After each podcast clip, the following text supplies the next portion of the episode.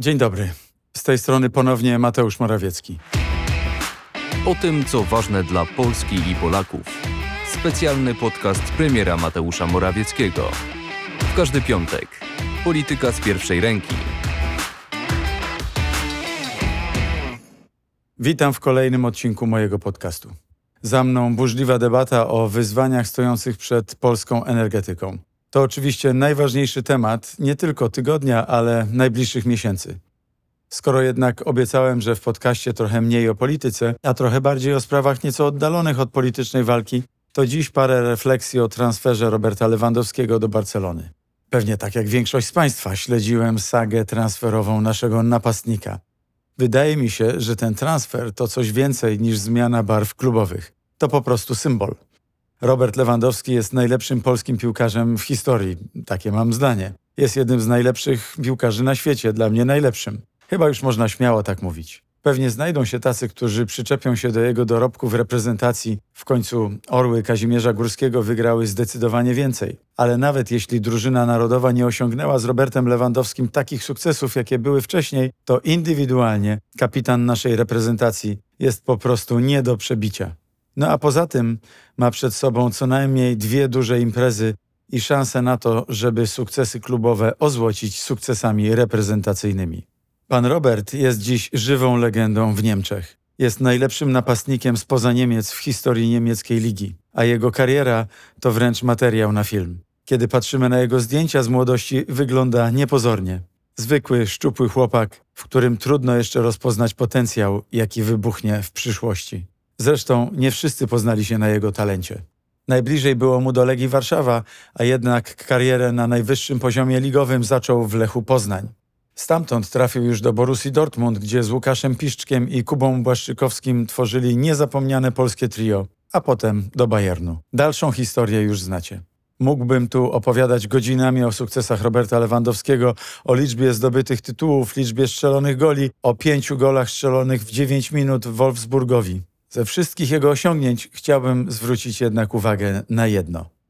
W przedostatnim sezonie w Bayernie polski napastnik szedł jak burza po rekord wszechczasów Bundesligi. Kiedy przed ostatnią kolejką miał na koncie 40 bramek, dokładnie tyle, ile legendarny Gerd Müller, pojawiły się głosy, że lewy powinien odpuścić, powinien uszanować legendę i nie strzelać kolejnej bramki. Lewandowski wyszedł na boisko, widać było, że gra mu się nie układa, a z każdą minutą szanse na wyjście na pozycję samodzielnego lidera w klasyfikacji wszechczasów maleją. I wtedy przyszła 90 minuta i upragniony gol. 41 bramek. Najwięcej w jednym sezonie Bundesligi. Powiedzmy sobie wprost, to nie był brak szacunku dla legendy Gerda Millera, to był tylko dowód na to, co zawsze charakteryzowało Roberta Lewandowskiego. Chodzi o brak kompleksów. My przez lata patrzyliśmy na Niemcy z zazdrością i poczuciem niższości, a pan Robert należy już do innego pokolenia. Pokolenia ludzi pewnych siebie, pokolenia, które nie ma kompleksów wobec innych nacji, pokolenia, które nie boi się rywalizacji. Kiedy trafił do Bundesligi, to nie po to, żeby kasować dobrą pensję i grzać ławkę rezerwowych. Trafił tam z wiarą, że Polak potrafi. Z wiarą, że Polak może być nie tylko dobry, może być po prostu najlepszy. O Robercie Lewandowskim mówiono, że jest maszyną do zdobywania goli, a każdy element gry dopracowuje w najmniejszych detalach. Mówiąc wprost, Lewy wygrywał z Niemcami na tym polu, na którym do tej pory nikt im nie mógł dorównać, czyli w pracowitości, konsekwencji, uporządkowaniu, także uporządkowaniu gry. I to jest jego miara sukcesu.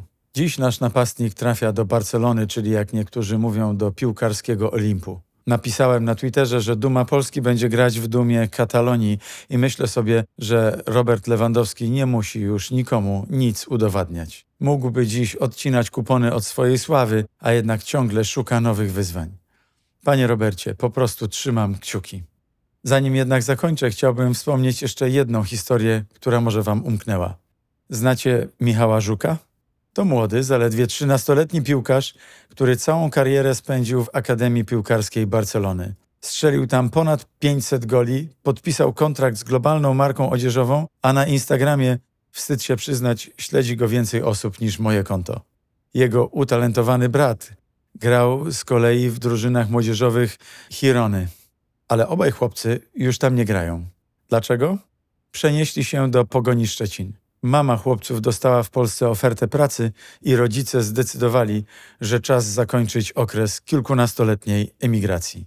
Znam historię państwa Żuków tylko z mediów, ale jest ona dla mnie niezwykle budująca. I także niezależnie od motywacji powrotów, bardzo się z nich wszystkich cieszę.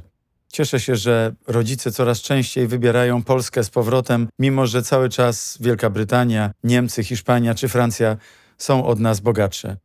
To wielka sprawa.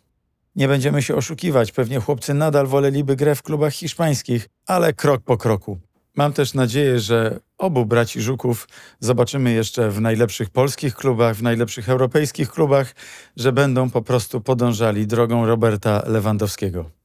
Dziękuję za dziś i zapraszam w następnym tygodniu. Mówił Mateusz Morawiecki. Podcast jest dostępny w serwisach Spotify, Google Podcast oraz Apple Podcast.